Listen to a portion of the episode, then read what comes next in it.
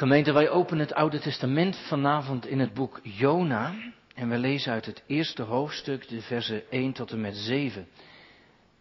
We lezen uit de profeet Jona, hoofdstuk 1, vers 1 tot 7. En daar lezen wij het woord van God in Jona 1. Het woord van de Heere kwam tot Jona, de zoon van Amittai. Sta op, ga naar de grote stad Nineveh en predik tegen haar, want hun kwaad is opgestegen voor mijn aangezicht. Maar Jona stond op om naar Tarsis te vluchten, weg van het aangezicht van de Heere. Hij daalde af naar Javo en vond een schip dat naar Tarsis ging. Hij betaalde de prijs voor de overtocht en ging aan boord om met hem mee te gaan naar Tarsis, weg van het aangezicht van de Heere. Maar de Heere wierp een hevige wind op de zee. Er ontstond een zware storm op de zee, zodat het schip dreigde te breken. Toen werden de zeelieden bevreesd en ze riepen ieder tot zijn God. Zij wierpen de lading die in het schip was in de zee om het daardoor lichter te maken. Maar Jona was afgedaald in het ruim van het schip, was gaan liggen en was in een diepe slaap gevallen. De kapitein kwam bij hem en zei tegen hem, hoe kunt u zo diep in slaap zijn? Sta op, roep uw God aan. Misschien zal die God aan ons denken, zodat wij niet vergaan. Daarop zeiden de mannen tegen elkaar, kom, laten wij het lot werpen, zodat wij weten door wie dit onheil ons overkomt. Ze wierpen het lot en het lot viel op Jona. Tot zover onze schriftlezing. De preek beweegt zich eigenlijk langs steeds het begin van de versen 2, 3 en 4. Vers 2 begint met sta op. Dat is de boodschap, de roeping voor Jona. Derde vers begint maar Jona. Dat is de tegenwerping van Jona. En vers 4 begint met maar de Heere. Dat is de tegenwerking van de Heere. Dus de roeping van Jona, sta op. De tegenwerping van Jona, maar en de tegenwerking van de Heere, maar de Heere. Gemeente, als ik vanavond aan de jongens en meisjes vraag, eh, op wie uit de Bijbel zou jij heel graag willen lijken? Nou, dan zeggen sommigen van jullie eh, op koning David, of op eh, Mozes, of op een van de discipelen, Petrus of zo. Of misschien ben je een meisje en denk je, nee, ik wil op Mirjam lijken, de zus van Mozes. Of op Maria, de moeder van de Heer Jezus. Maar jongens en meisjes, ik denk dat niemand van jullie wil lijken op Jona. Toch? Nee, want Jona, Jona was die man die door God geroepen werd, die moest gaan preken in Nineveh en hij ging niet. Wie wilde nou lijken op Jona. En toch, jongens en meisjes, lijken we soms meer op Jona dan wij denken. Want ook kinderen in de vredeskerk doen wel eens niet wat God wel wil. En ook kinderen vanavond, die mopperen wel eens op wat God wil en wat jij niet wil. Misschien was er wel een meisje of een jongen vanavond in de kerk, die wilde bijvoorbeeld helemaal niet mee naar de kerk. Oh, nou, dat lijkt net als op Jona dan. Of misschien wil je wel eens niet naar de zonneschool. Of heb je geen zin om uit je Bijbel te lezen. Of iets anders. Nou, dan, dan lijken we net op Jona. Jona. Gemeente, het boek Jona. U begrijpt natuurlijk wel dat dat boek niet zomaar in de Bijbel is terechtgekomen. Om ons een verhaal te vertellen van een profeet die eens geleefd heeft.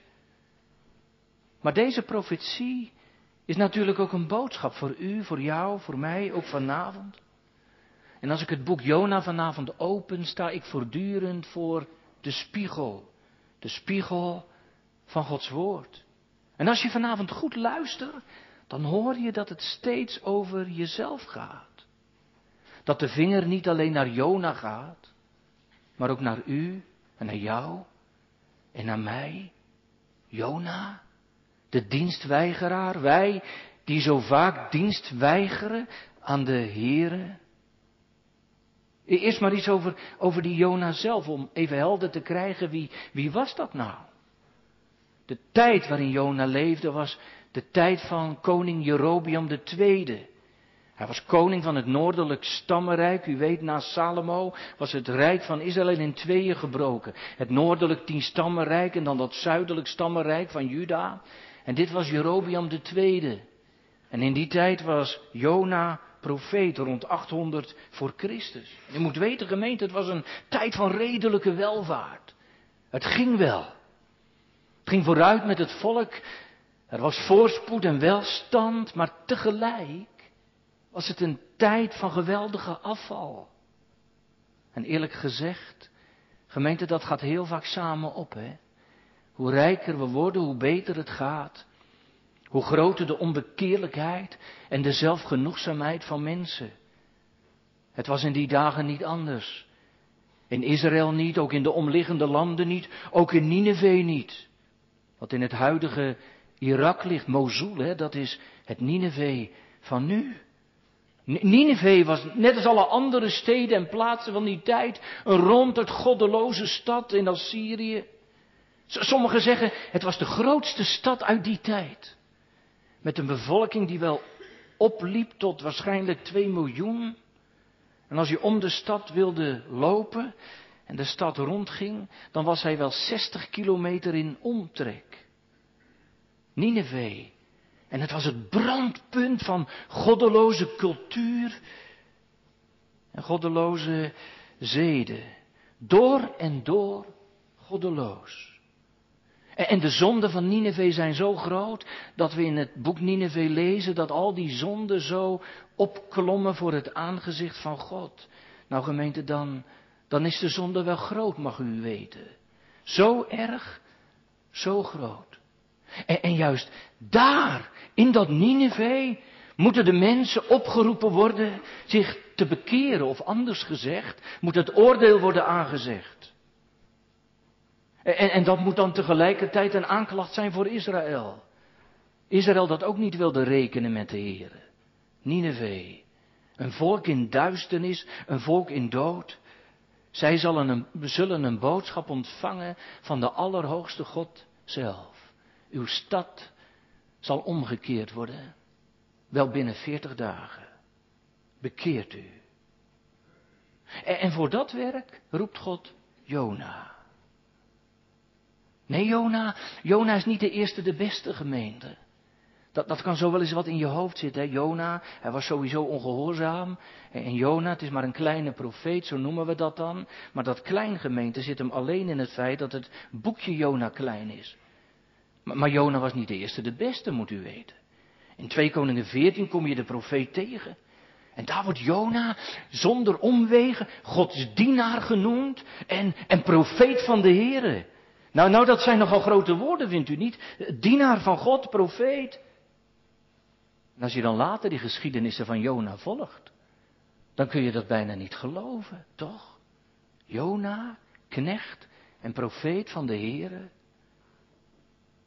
Maar mag ik tussendoor daarbij iets aanmerken? U en ik worden ook met grote woorden aangesproken. Nee, niet met profeet en dienaar wellicht, maar wel als kinderen en erfgenamen van het rijk van God en zijn verbond, toch? Dat zijn toch de woorden die altijd klinken als we dopen? Dat God je daar het teken en zegel geeft van zijn verbond, je tot kind en erfgenaam aanneemt, zijn zegel op je leven zet, dat zijn ook nogal grote woorden. En als, en als je eerlijk bent en naar je eigen leven kijkt, kunt u dat dan begrijpen en jij? Of zal ik het nog iets anders zeggen? Gedraagt u zich daarnaar? Dat je erfgenaam bent van het rijk van God en tot een kind bent aangenomen? Leef ik daarin naar alles en in alles? Dus maar niet meteen gemeend op Jona neerkijken. En nu wordt die Jona dus, waarmee zulk, waar, waarvan zulke grote woorden worden gesproken, door de Here geroepen, nadrukkelijk. En het woord van de Heere kwam tot Jona, de zoon van Amittai. En de Heere zei, sta op, ga naar die grote stad Nineveh. Predik tegen haar, want hun kwaad is opgestegen voor mijn aangezicht. Nee, nee, Jona krijgt dus niet de opdracht tegen Israël te profeteren. Gemeente, dat zou toch in de lijn der verwachting hebben gelegen. Hij was daar notabene profeet in dat tienstammenrijk. Hij hoorde daarbij, Israël was zijn volk. En, en daar voelde hij zich thuis bij dat volk van God. Maar gemeente, als God zijn woord laat horen en God je roept, gaat het in je leven heel vaak tegen de lijn der verwachting in. Wist u dat? Of mag ik het nog iets anders vragen? Merkt u dat? Merken jullie dat, jongelui, dat als God iets zegt, dat dat niet zozeer in jouw spoor is wat dan gebeuren moet, maar, maar dat het tegen de lijn der verwachting ingaat? Dat, dat het in je leven moet zoals God het wil en, en daarmee vaak anders gaat? Jouw Jona gaat een heel andere kant op. En wat voor kant? Hij moet profiteren tegen Nineveh in het oosten. Hij moet profiteren tegen die stad die, bevolkt wordt door de aardsvijanden van Israël. Een, een stadgemeente waar, waarvan je toch zou hopen dat het ze zou vergaan als Sodom en Gomorra. Zodat die vijanden er niet meer zijn. Zij die levensbedreigend zijn voor je volk, voor je land, voor je stad, voor je tempel. Je zou eerder om vuur uit de hemel bidden. En toch zegt de Heer, preek tegen die stad. Jona, je gaat niet in je eigen weg, maar in de mijne. Hoort u dat gemeente? Want dat is natuurlijk ook tegen u en mij vanavond. U, u gaat niet uw eigen weg, maar de weg door mij bepaald. hebt u dat wel eens gehoord in het woord van God? Dat je echt besefte toen, toen het woord je raakte en haakte, dat het anders moest en dat, dat God anders van je vroeg dan je zelf had gedacht en gewild. En beseft u dat toen dat in je leven kwam, dat, dat het God was die tot je sprak? En wat deed je ermee? Want ja, Jona besefte ook wel dat God sprak. Er was natuurlijk geen Bijbel of zo, hij kreeg geen tekst. Hij kreeg niet op zijn smartphone dagelijks woord en dacht, ik ben geroepen. Hij kreeg denk ik een letterlijke stem van God in zijn hart, in zijn hoofd, een engel, wie weet wat, maar wel zo duidelijk mogelijk. Maar, maar gemeente, als u en ik onder het woord van God zitten, is het dan minder duidelijk? En het woord des Heren geschieden tot de mensen in de vredeskerk? Beseffen we dat God spreekt in de prediking van zijn woord? En, nog meer, wat, deed je ermee? En wat doe je ermee? Ging u, ging u de Heer dienen? En stoppen met die goddeloze dingen die, die hij aanwees? En maakte je andere keuzes vanaf dat moment? Want, want het was toch de stem van God die sprak? En Jona? Jona maakte zich op en ging ja, maar niet naar Nineveh. Hij doet wel eens iets, maar niet gehoorzamen. Ja, ja, zegt u maar, maar het woord des Heren kwam toch tot hem, ja. En hij doet toch nee. Dat is wat. Dat is wat gemeente. Als, als de Allerhoogste spreekt in je leven. De Allerhoogste majesteit. En je je woord van God je in de schoot gelegd wordt. En je gaat willens en wetens een andere weg. Je leeft door onbekeerd en ongehoorzaam. Dat je dat durft. Dat je dat durft. Kijk gemeente, als u en ik onder het woord komen, dan komt ook het woord des Heren op je pad en vraagt de Heren altijd een antwoord, ook als het tegen, tegen de verwachtingen ingaat. En de Heer Jezus zegt dit. Hij zegt, zo iemand achter mij wil komen. Ja, die verloochenen zichzelf. Hij neemt zijn kruis op en hij volgt mij. Blijkbaar is de weg van God zo. En mag ik dan iets vragen? Hebt u gevolgd zonder vragen? En gezegd, Vader, wat u doet is goed. Leer mij slechts het heden te dragen met een rustig, kalme gemoed. En ik was gehoorzaam. En ik heb hem in alles gehoorzaamd. En ik heb het gezongen. Neem mijn leven, laat het Heer toegewijd zijn aan uw eer. Hebt u het gedaan? Of lijkt u ook zoveel op Jona? Meer dan je eigenlijk wil? Kijk, Jona, Jona moet naar het oosten, hè? Want Nineveh lag voor hem in het oosten. En ik denk dat dat van geestelijke betekenis is. Want in het oosten gaat de zon op, daar komt het licht vandaan. Hè? Die, die, die, dichter, die dichter uit Psalm 130 zegt dat die wachters, die, die wachten op de morgen, op de morgenzon. En die zeggen dan, ach wanneer, die wachten op het licht uit het oosten. Gemeente in het oosten, daar, daar breekt de duisternis door, daar breekt het licht door. Daar wil God het leven schenken, het oosten. En, en dat doet hij door de meerdere Jona, Jezus Christus. De zon van de gerechtigheid. De zon daagt in het oosten. En wat doen wij? Wij gaan net als Jona naar het westen. Naar Tarsis. Waar de zon ondergaat. Je gaat de zee op. Gemeente, in de Bijbel is de zee altijd de plek van de duisternis, van de, van de demonie. Daar gaat hij op, daar gaat de zee op. Waar de zon ondergaat. Waar de dood is. Maar waar ik ook mijn eigen grenzen bepaal, want op zee zijn geen grenzen. En waar ik ook mijn vrome grenzen bepaal. En zo, zo vluchten we bij Jezus, zo vluchten we bij God vandaan. Want dat staat er, hè. Jona vluchtte van het aangezicht des Heren. Vluchtte weg onder de ogen bij God vandaan. En, dan denk je nog, maar wat, wat is nou de diepst liggende oorzaak van die vlucht van Jona? Was hij gewoon bang om onder die Assyriërs te gaan werken? Of was hij lui? Of had hij gewoon een hekel aan Nineveh? Zou allemaal kunnen. In hoofdstuk 4 staat het antwoord en je kunt je oren bijna niet geloven. In hoofdstuk 4 staat het, daar staat, ik vluchtte naar Tarsis, want ik wist dat u, God, ik wist dat u een genadig en barmhartig God bent, genadig en rijk aan goede tierheid, die berouw heeft over het kwaad. Je, zou vanavond zeggen, dat, dat kan toch geen reden, om, reden zijn om niet te gaan? God is toch liefde? Is dat dan zo erg? Is het zo erg dat God zich ontfermt over het verlorene? Nee. Nee, nee, dat vond Jona ook niet erg, want hij was een dienaar en profeet des Heren, wat denkt u? Dat was zijn dagelijkse werk. Maar zolang het over hemzelf ging en over zijn eigen volk, kon hij daar wel mee leven. Sterker nog, daar leefde hij van. Hij was profeet, maar de Ninevieten zijn vijanden.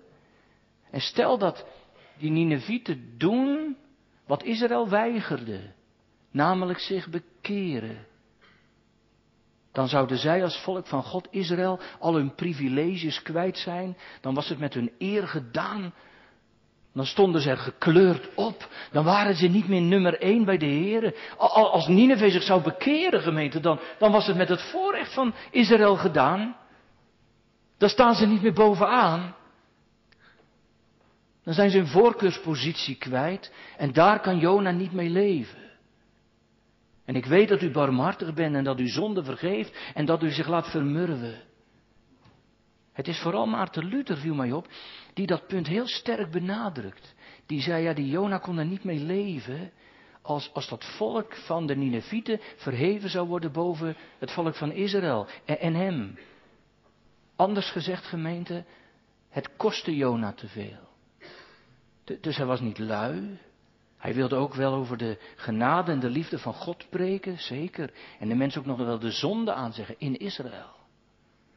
Maar, maar niet buiten de grenzen en niet, niet als het hem wat kostte. Jona heeft het berekend. Hoort u dat? Dus, dus God mag wel zijn genade bewijzen, maar niet ten koste van mij. Ik, ik moet daar geen last aan krijgen. Niet, niet als Jona en het volk ervoor moeten inleveren. Dan haakt Jona af. Dat moet God niet van hem vragen. En daarom vlucht hij. Genade is rijk en vrij, maar het mag niet te veel kosten. En als God mij dan uitschakelt en mij alles ontneemt, dan ben ik niet thuis. Dan doe ik niet meer mee. Ik gun iedereen Gods liefde en genade, maar niet ten koste van onszelf. En van onze eigen gemeente en van onze eigen mensen en van mijn eigen waardigheid. Toch, gemeente? Ziet, ziet u hem gaan, die profeet? Jona trekt het niet. Hij wil het niet. Of, of zie je ineens jezelf gaan? Als de Heere overgave vraagt. En als zij vraagt om van genade alleen te leven. Alleen dat. Ook als het je alles kost. Als je leven om moet. Wie, wie, zegt er dan vanavond, zie hier ben ik. In de vredeskerk. Ik sta op, neem mijn leven, laat het Heer. Toegewijd zijn aan uw eer. Maakt niet uit wat ik moet doen. Nee? Nee, ook niet als je je baan kwijtraakt. En moet stoppen met je studie. Of als je verkering ineens een moeilijk verhaal wordt, omdat je vriend of vriendin niets met God te maken wil hebben. Ook als je ineens in alle dingen die je kijkt en luistert een streep moet zetten, omdat God zegt dat gaat niet samen. Dan ook.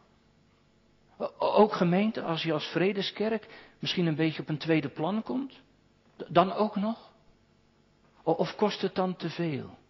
Of bent u zo'n gelovige die zegt, ja ik wil wel geloven op zondag. En dan ben ik graag in de kerk, twee keer.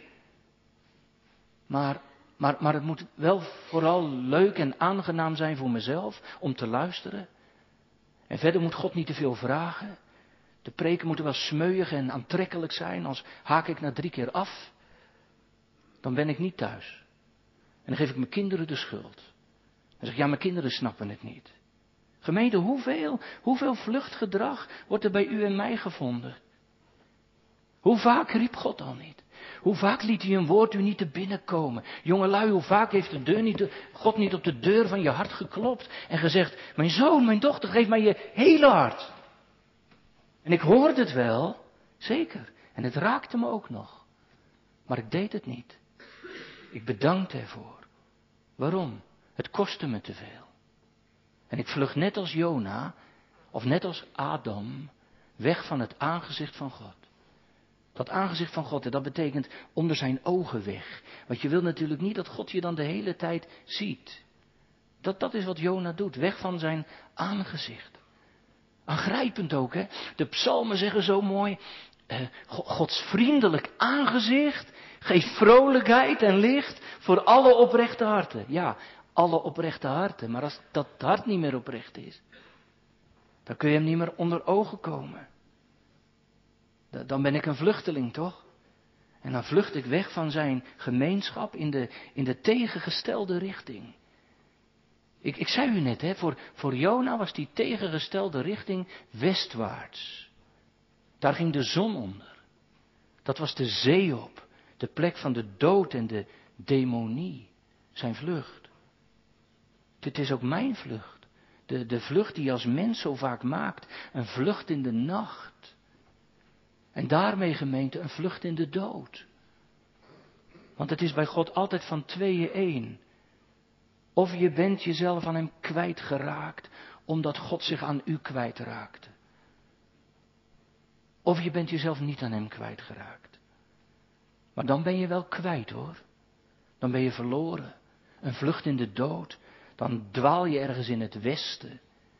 Wist u trouwens, want misschien denkt u, waarom, waarom zit de dominee daar een beetje op door te borduren op het westen, oosten? Is dat niet een beetje inlegkunde? Denk het niet.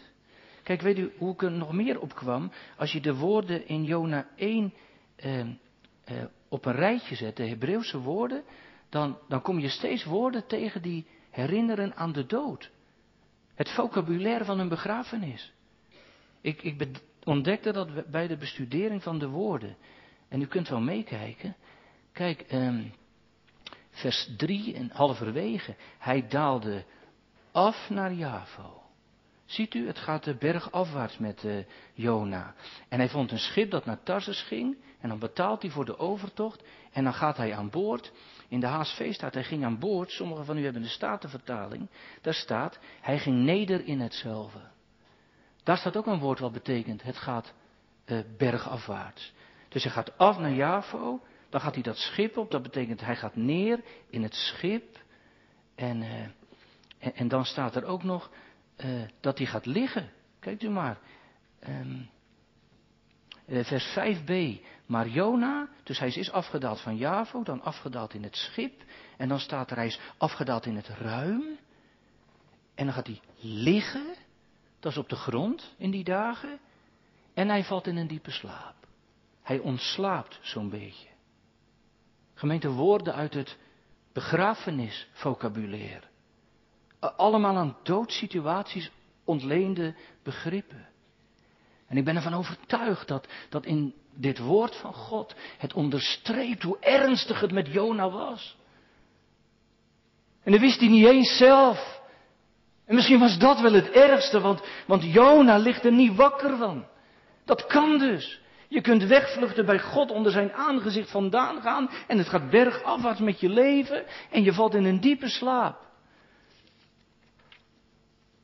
Maar, maar weet je wat het is, gemeente? Dat geldt voor u en mij van nature ook. Van nature maken wij ook die reis naar het westen. Je wordt niet geboren in de boot naar het oosten, maar naar het westen, naar de dood. Ja, zelfs de eeuwige dood. Want je zonde, zegt de Bijbel, je zonde maken dat je voor God doodschuldig bent. En ik mag u toch wel vanavond vragen of u daar wel eens wakker van ligt. Hij zegt u maar, moet je dan per se wakker liggen van je zonde? Nou, mag ik het dan anders vragen? Ligt u er wel eens één nachtje per maand wakker van dan? Heel weinig dan. Of wilt u nog weiniger, nog minder? Ligt u er wel eens één nachtje per kwartaal wakker van? Dat, dat als we zonde doen, dat dat echt niet kan bestaan voor God. Dat Hij dat niet neemt en dat het niet kan. We hullen ons in de nacht van de zonde. En we horen het woord van God wel aan keer op keer. Maar we keren ons weer op onze andere zij. En we drinken straks uit de kerk weer een lekker bakje koffie. Met appeltaart en slagroom. En inmiddels slapen we rustig verder. En gaan we morgen weer gewoon doorleven. Gemeente, ziet u uzelf daar liggen? Net als Jona. Het was een aflopende zaak. En, en mag ik zeggen, als de Heer u, nu eens liet liggen, daar, of jou, wat dan? Dan had hij u geroepen, dan had je zijn stem gehoord. Maar je luisterde niet. Dan heb je je dood geluisterd. En je slaapt rustig voort. Dat is toch drama? Weet u, weet u wat het wonder is? Dat, in onze tekst, in vers 4, weer dat woordje maar staat. Dus Jona, die stond op, maar vluchtte. En toen dat maar Jona, en, en nu maar God. God had het natuurlijk zo kunnen laten. Hij had Jona, uh, hij had een ander kunnen zoeken en, en kunnen roepen. Hij had Jona niet eens nodig. Maar dan ineens dat kleine woordje maar God. Maar is trouwens, dat woord maar is trouwens maar één letter. Maar wel een letter van levensgrote betekenis. En dat ene woordje, die ene letter gemeente, die laat zien dat God het er niet bij laat zitten. Jona, jij kan dan die hardslapende vluchteling zijn. Die slapend naar het westen van de dood zeilt. Maar dat laat ik niet gebeuren. Gemeente Gods genade laat dat niet toe. Hij, hij heeft mij niet over voor het verderf. En daarom staat er maar de Heere. Dat, dat is het moment dat God gaat ingrijpen. En dat God de regie neemt. Er steekt een enorme storm op. En dan ook een enorme wind en, en golven die beuken tegen dat schip aan. En, en, God zelf zorgt daarvoor, hè? God brengt Jona in nood. En het wonderlijke is dat die Jona die stem van God in de storm niet eens merkt, maar slaapt en dat een heidense opperstuurman hem dan moet wakker komen maken om hem daarmee te confronteren. Nota bene. Er komt nood in Jona's leven. En wat voor nood. Alles is hem tegen. De wind, het water en de mensen. Alles. Gemeente, het is de storm van het maar van God. Want er staat maar God wierp een zware storm op de zee. Het is het maar van Gods genadige ingrijpen. Maar, maar niet bedoeld om, om Jona mee te sleuren in de diepte en hem te doen verdrinken.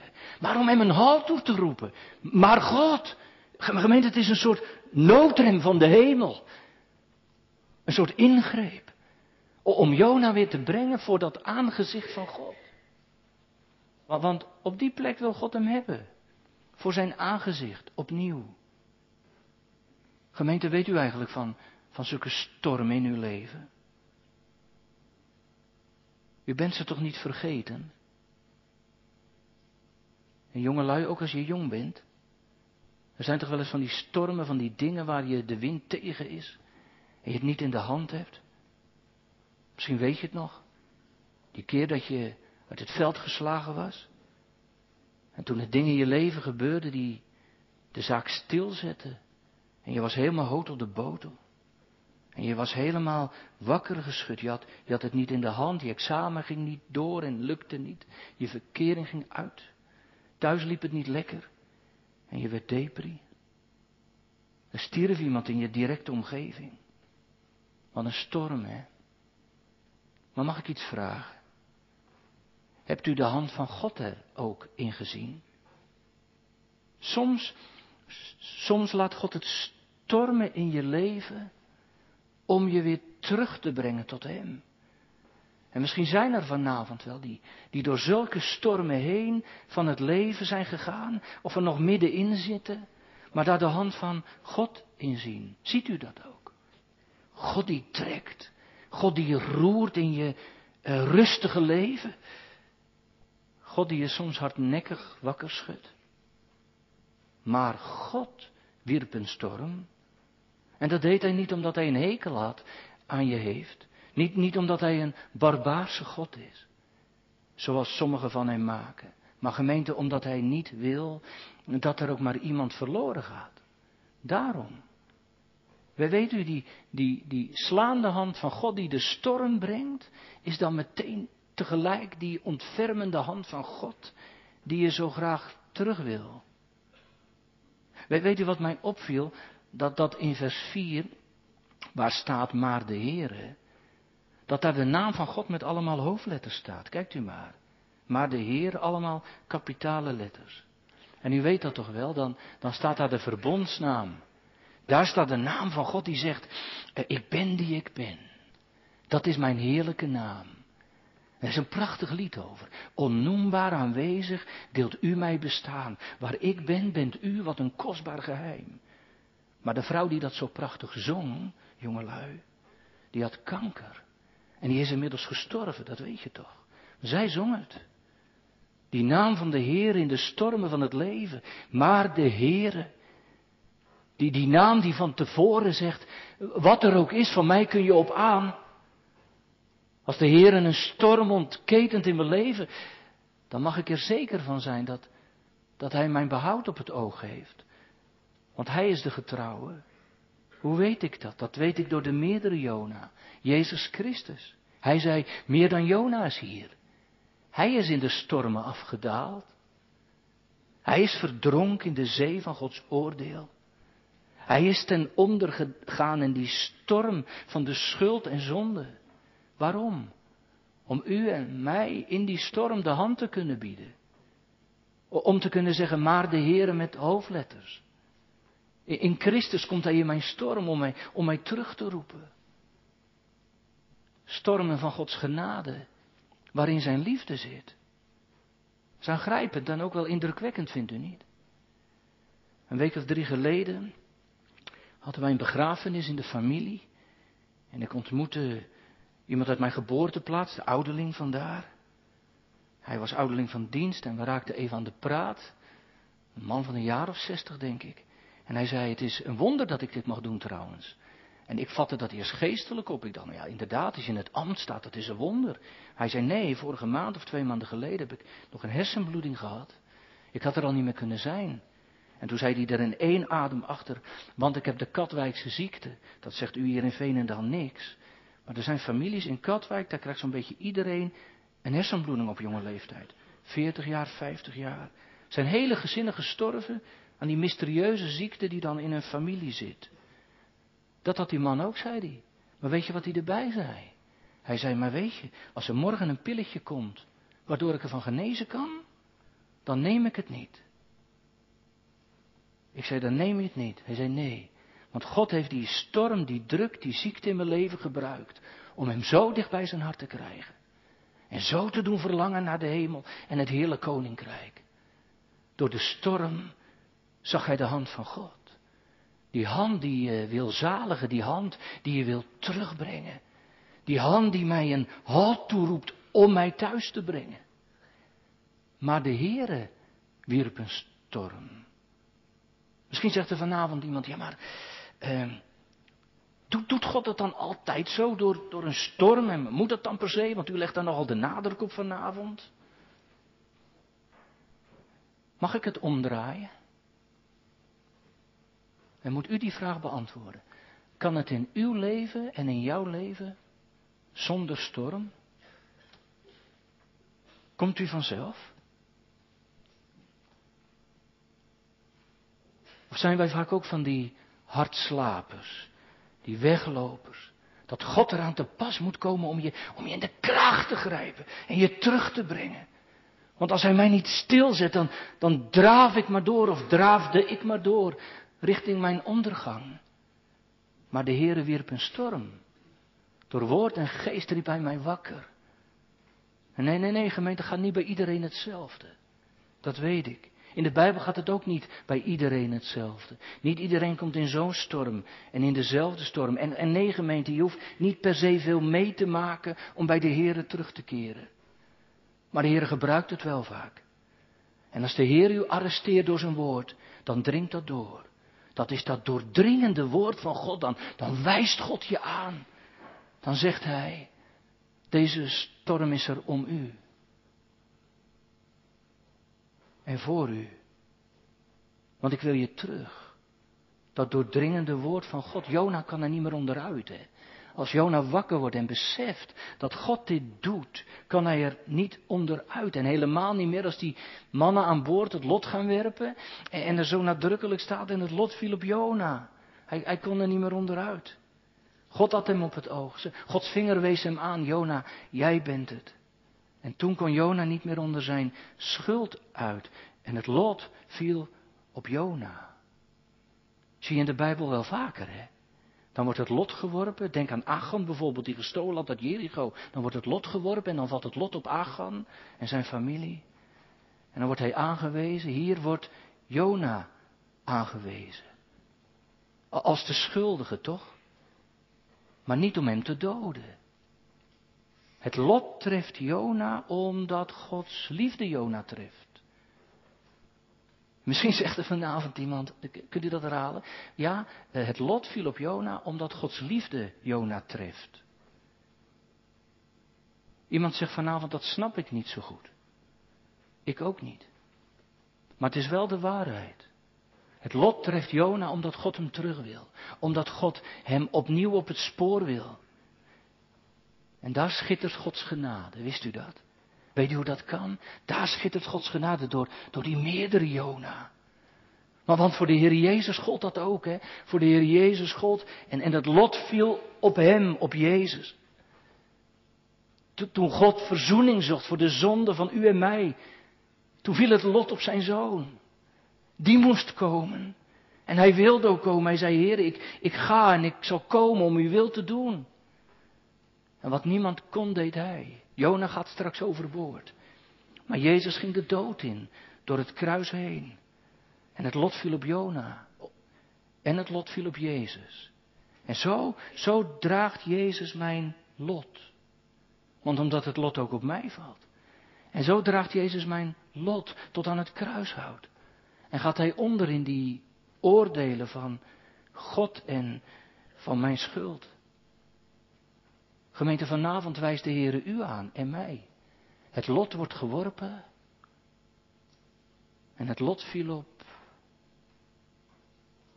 Ja, vult u uw naam maar in. Op mij die altijd voortvluchtige vluchteling. Op die jongere die hier vanavond wel is. Maar gisteravond ergens anders zat. Waar hij het beter naar zijn zin had. Nou ja, ik kan je natuurlijk vragen, was je daar onder het aangezicht van de Heere? Zo ja, gelukkig. Zo niet, vlucht je bij hem vandaan. Het lot treft je omdat God je niet over heeft voor de dood. En al ben je duizend keer weggevlucht, gemeente. Al, al ben je met lot eh, door dat woord van God heen. En met dat woord weggevlucht van zijn aangezicht. Hij wijst je aan. En het lot viel op. Gemeente, steeds als, als dat woord van God klinkt, dan werpt God het woord, het lot van zijn liefde. En dan wijst hij mij aan. En dan kan ik er niet onderuit. Dan zegt hij net als David tegen, Nathan tegen David, jij bent die man en jij bent die vrouw. Maar tegelijk, tegelijk heft de Heer mijn hoofd op. En, en hij schenkt mij een blik op het kruis. En, en ik hoor het. En het lot viel op Jezus. Gelukkig gemeend. Dus kon deze preek niet houden. Als kon je alleen maar zeggen, ja maar God zet je soms stil en soms met een storm. En, maar het lot moet op iemand anders vallen. Op hem. En hij betaalde voor dat lot. Voor al die mensen die geen cent hebben mee te brengen. Gemeente, bent u er zo één? Maar moet je vanavond eerlijk zijn en zeggen, ja, al dat afgedaal, al dat vluchten. Het leek wel of het vanavond over mij ging. En, en het lot is geworpen en het is op mij gevallen. Nou, dan mag je je gelukkig prijzen. Dan ben je nog niet zo'n stok en blok geworden dat het allemaal over je heen gaat. Maar dan raakt het je. En dan wil God door zijn geest je hart grijpen en, en vasthaken aan die meerdere Jona. Jezus Christus, de vaste rots van mijn behoud. Als de zonde mij benauwt. En als de ruwe stormen woeden en alles om me heen nacht is, dan weet ik het, God zal mij behoeden. Hij, hij houdt voor mijn heil de wacht. En het lot valt vanavond op u, op mij. Maar het allermeest op Jezus. En als je dat ziet, ja, dan mag je je verheugen door alle stormen heen in dat zalige lot. Amen.